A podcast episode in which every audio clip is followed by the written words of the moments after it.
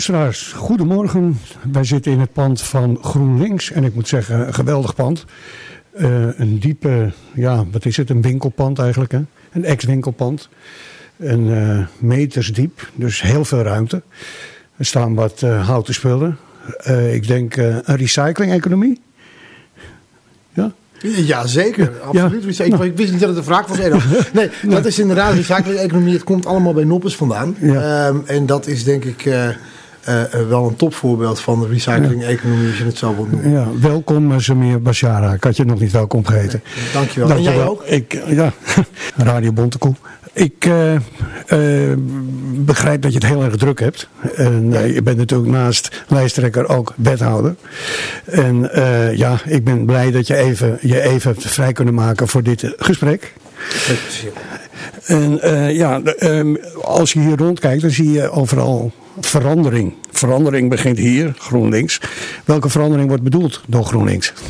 Nou, de uh, verandering waar we het bij GroenLinks over hebben is echt, en uh, dan ga ik even een duur woord gebruiken, de transitie of de transformatie, zo je wil, naar een nieuw soort samenleving. Um, we komen uit een 20e eeuw, als je even een tijdje terug, de, terug de tijd ingaat, waarin de economie ingericht was op een manier die steeds duidelijker wordt niet kan op de lange termijn. dan heb ik het over afvalstromen, over vervuiling, maar ook over de sociale aspecten daarvan, uitbuiting, armoede die erdoor ontstaat. Een, een kapitalistisch systeem dat zo langzaam maar zeker toch echt wel aan een serieuze revisie toe is. En um, daar is het nu de tijd voor. Daar is nu ook de urgentie en de noodzaak toe. En dat is waar wij het over hebben bij die verandering. Je refereert hier ook aan het boek van Jesse Klaver. Ik refereer onder andere aan het boek van Jesse. Maar Jesse refereert op zijn beurt natuurlijk ook weer aan een heleboel andere boeken. Um, want hier zit natuurlijk een enorme berg kennis en wetenschap onder. Uh, kijk, GroenLinks uh, was 30 jaar geleden al een partij die aangaf dat het anders moest. Bijvoorbeeld op het gebied van, gebied van klimaat. Toen waren we de enige. En um, inmiddels is er denk ik geen zichzelf serieus nemende politieke stroming meer. Die, uh, die dat niet met ons eens is. Dus we bereiken ook iets, maar het is wel een proces van de lange adem. Um, maar we gaan er onverwijld mee door tot het uh, resultaat bereikt is. Ja, duurzaamheid is uh, bijna een modewoord geworden. Niet bij GroenLinks, maar misschien wel bij andere partijen. Dus krijg, krijg, je voldoende samenwerking op dit gebied? Nog niet. Nog niet. Er is absoluut groen leiderschap nodig, nog steeds. Hm. En uh, ja, weet je, ik ben een optimist, Edo. Ik ben blij dat het een modewoord is. Liever dat dan dat het een vies woord is of dat je het woord helemaal niet hoort. Nou, sommigen vinden een vies woord, hè? Ja, dat klopt. Worden er gelukkig wel steeds minder. Hè? Uh, uh, de de massa heeft inmiddels wel door waar we staan. Um, maar een modewoord is natuurlijk nog steeds niet genoeg. Het wordt nog niet, lang niet door iedereen serieus genoeg genomen. En vooral ook uh, het besef wat dat dan allemaal vergt hè, om naar die circulaire samenleving toe te gaan, waar we mhm. gewoon heen moeten en waar we ook heen willen. Dat is niet van, uh, van de een op de andere dag geregeld. Dat is indrukwekkend, maar het is ook heel inspirerend en heel mooi. Want het brengt van alles met zich mee waar wij als mensen ook gewoon gelukkiger van worden. Ja, uh, er zijn mensen die denken duurzaamheid, circulaire economie. Ik mag een heleboel dingen niet meer die ik nu wel doe. Denken mensen dat? Er zijn mensen die dat denken, ja. Oh, nou, dat is vervelend zeg. Nee, um, uh, zonder dolle, dat, uh, dat begrijp ik uh, enerzijds natuurlijk wel. En aan de andere kant denk ik dat het eigenlijk wel heel erg meevalt. Volgens mij mogen we in een circulaire samenleving net zoveel, zo niet nog een stuk meer... dan we mogen in een, in een wereld zoals we die in die 20e eeuw hadden ingericht. Hè? Um, maar we gaan dingen wel anders doen.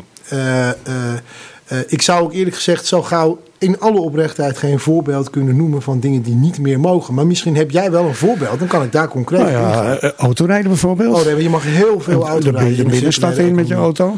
Ja, maar dat heeft niet zoveel met circulaire economie te maken. Nee. Kijk, de binnenstad niet ingaan met een auto, dat heeft te maken met het feit dat onze binnenstad een middeleeuwse stratenstructuur kent en een aantrekkelijke binnenstad is vanwege uh, de, het oude karakter ervan.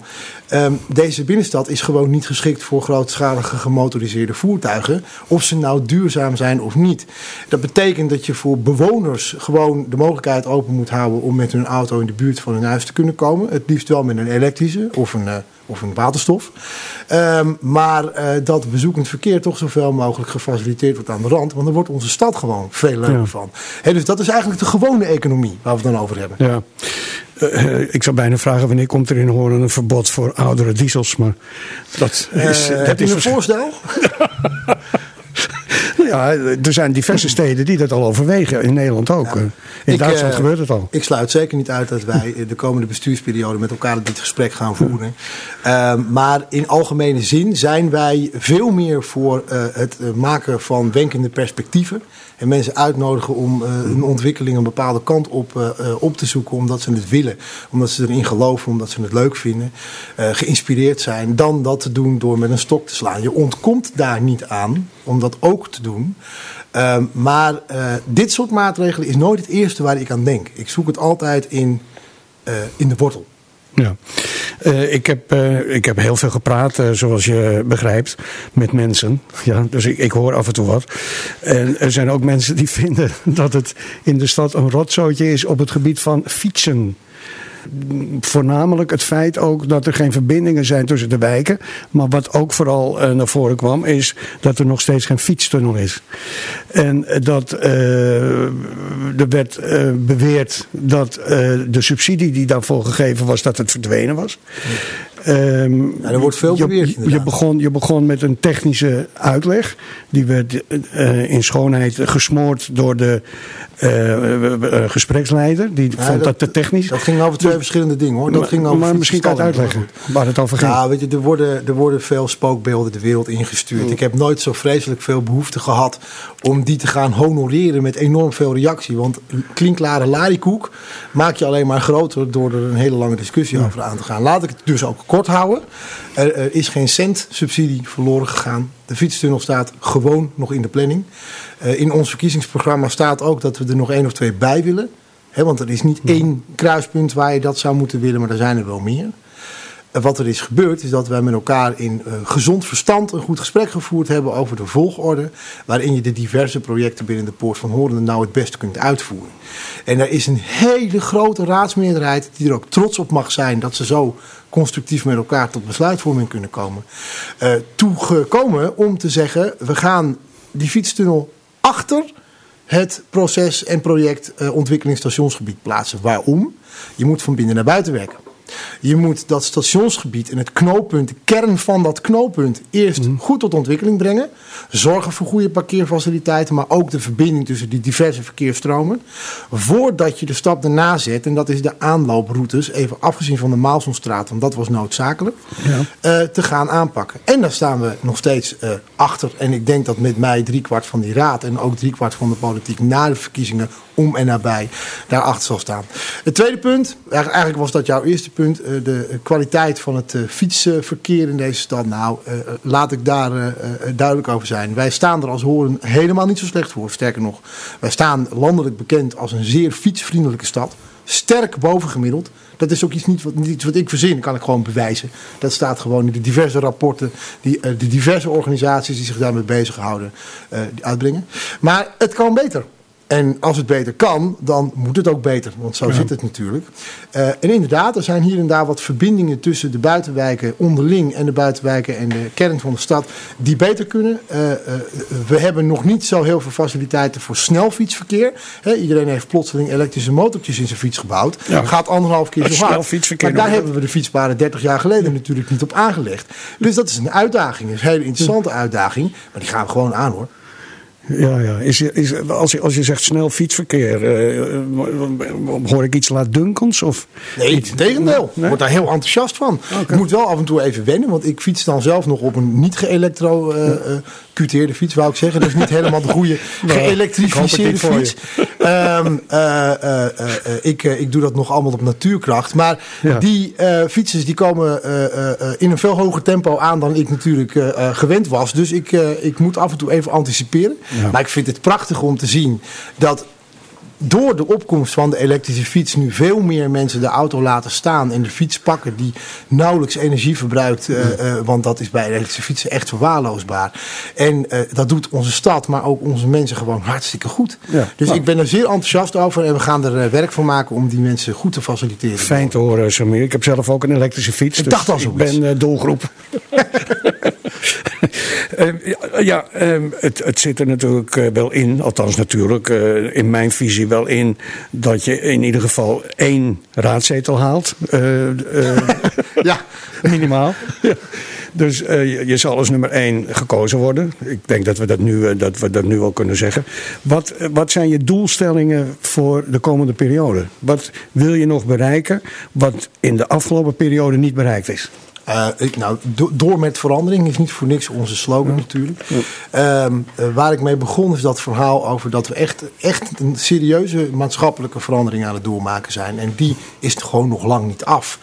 Um, daar hebben we wel heel veel stappen in gezet. Uh, ik ben echt een uur aan het praten, Edo, als ik alles ga opnoemen waar dat dan over gaat. Uh, dus dat ga ik niet doen. Ik ga proberen dat in een paar hoofdpunten samen te vatten. En daar wil ik mee verder. Um, de verduurzaming van die stad is er dus inderdaad één. Uh, ik denk dat de stad in zijn totaliteit gewoon een compliment verdient. Voor wat daar de afgelopen jaren in is gebeurd. Want wij hebben als overheid veel gefaciliteerd. Maar 80%, 90% van, die, van het werk, om het zo maar te noemen, is gedaan door particuliere individuen. Door mensen in de samenleving, inwoners. Door bedrijven, door instellingen, onderwijsinstellingen, maar ook andersoortige instellingen. Die met z'n allen de hand hebben uh, aangenomen die wij hebben uitgestoken. De hand schoen hebben opgepakt die op de grond lag om daarmee aan de slag te gaan. En nu is het tijd voor de stap daarbovenop. Uh, en dat betekent dat wij een plan willen gaan maken. En we hebben zelf uh, daar een aanzet toe geschreven. Dat lanceren we morgenavond. Dan is het inmiddels overigens gisteren als dit wordt uitgezonden.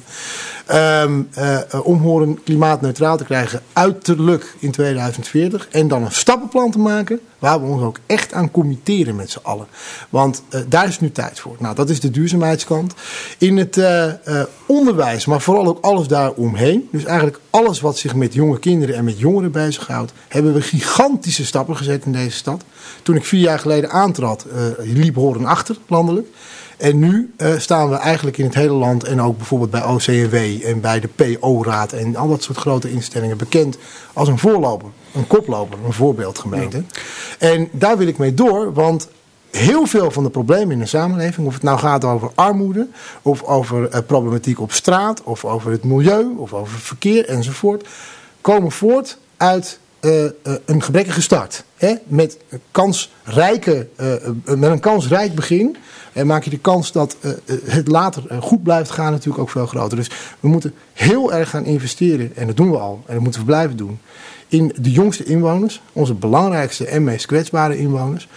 Um, dus daar heb, ik, uh, daar heb ik enorm veel zin in om daarmee door te gaan. Nou, ik kan wel even doorgaan, Edo, maar ja. je begint een beetje ongemakkelijk ja, op je stoel is, te draaien. Uh, ik, dus ik denk dat ik moet stoppen. Volgens mij moet je, nee, maar volgens mij moet je stoppen vanwege de tijd. Want oh, je, oh, okay. je, zou uh, kort een interviewtje kunnen geven, maar het wordt wat langer. Samir, dankjewel. En we zien elkaar aanstaande zaterdag, 17 maart, in het Klaas Joesthuis. Want uh, daar heb je ook een debat met Radio Bontekom. Ja, dat klopt. Uh, met uh, Marion van der Veen van de VVD. Een ja. toepasselijke afsluiting van jullie reeks. Omdat het namelijk uh, duidelijk lijkt te gaan tussen de VVD en GroenLinks. Ja. Wie de grootste in deze stad wordt. Dus ik zie uit naar dat debat. En ik hoop dat wij daar als winnaar uitkomen. Als mede op 21 maart. Uiteraard. Oké, okay. dankjewel.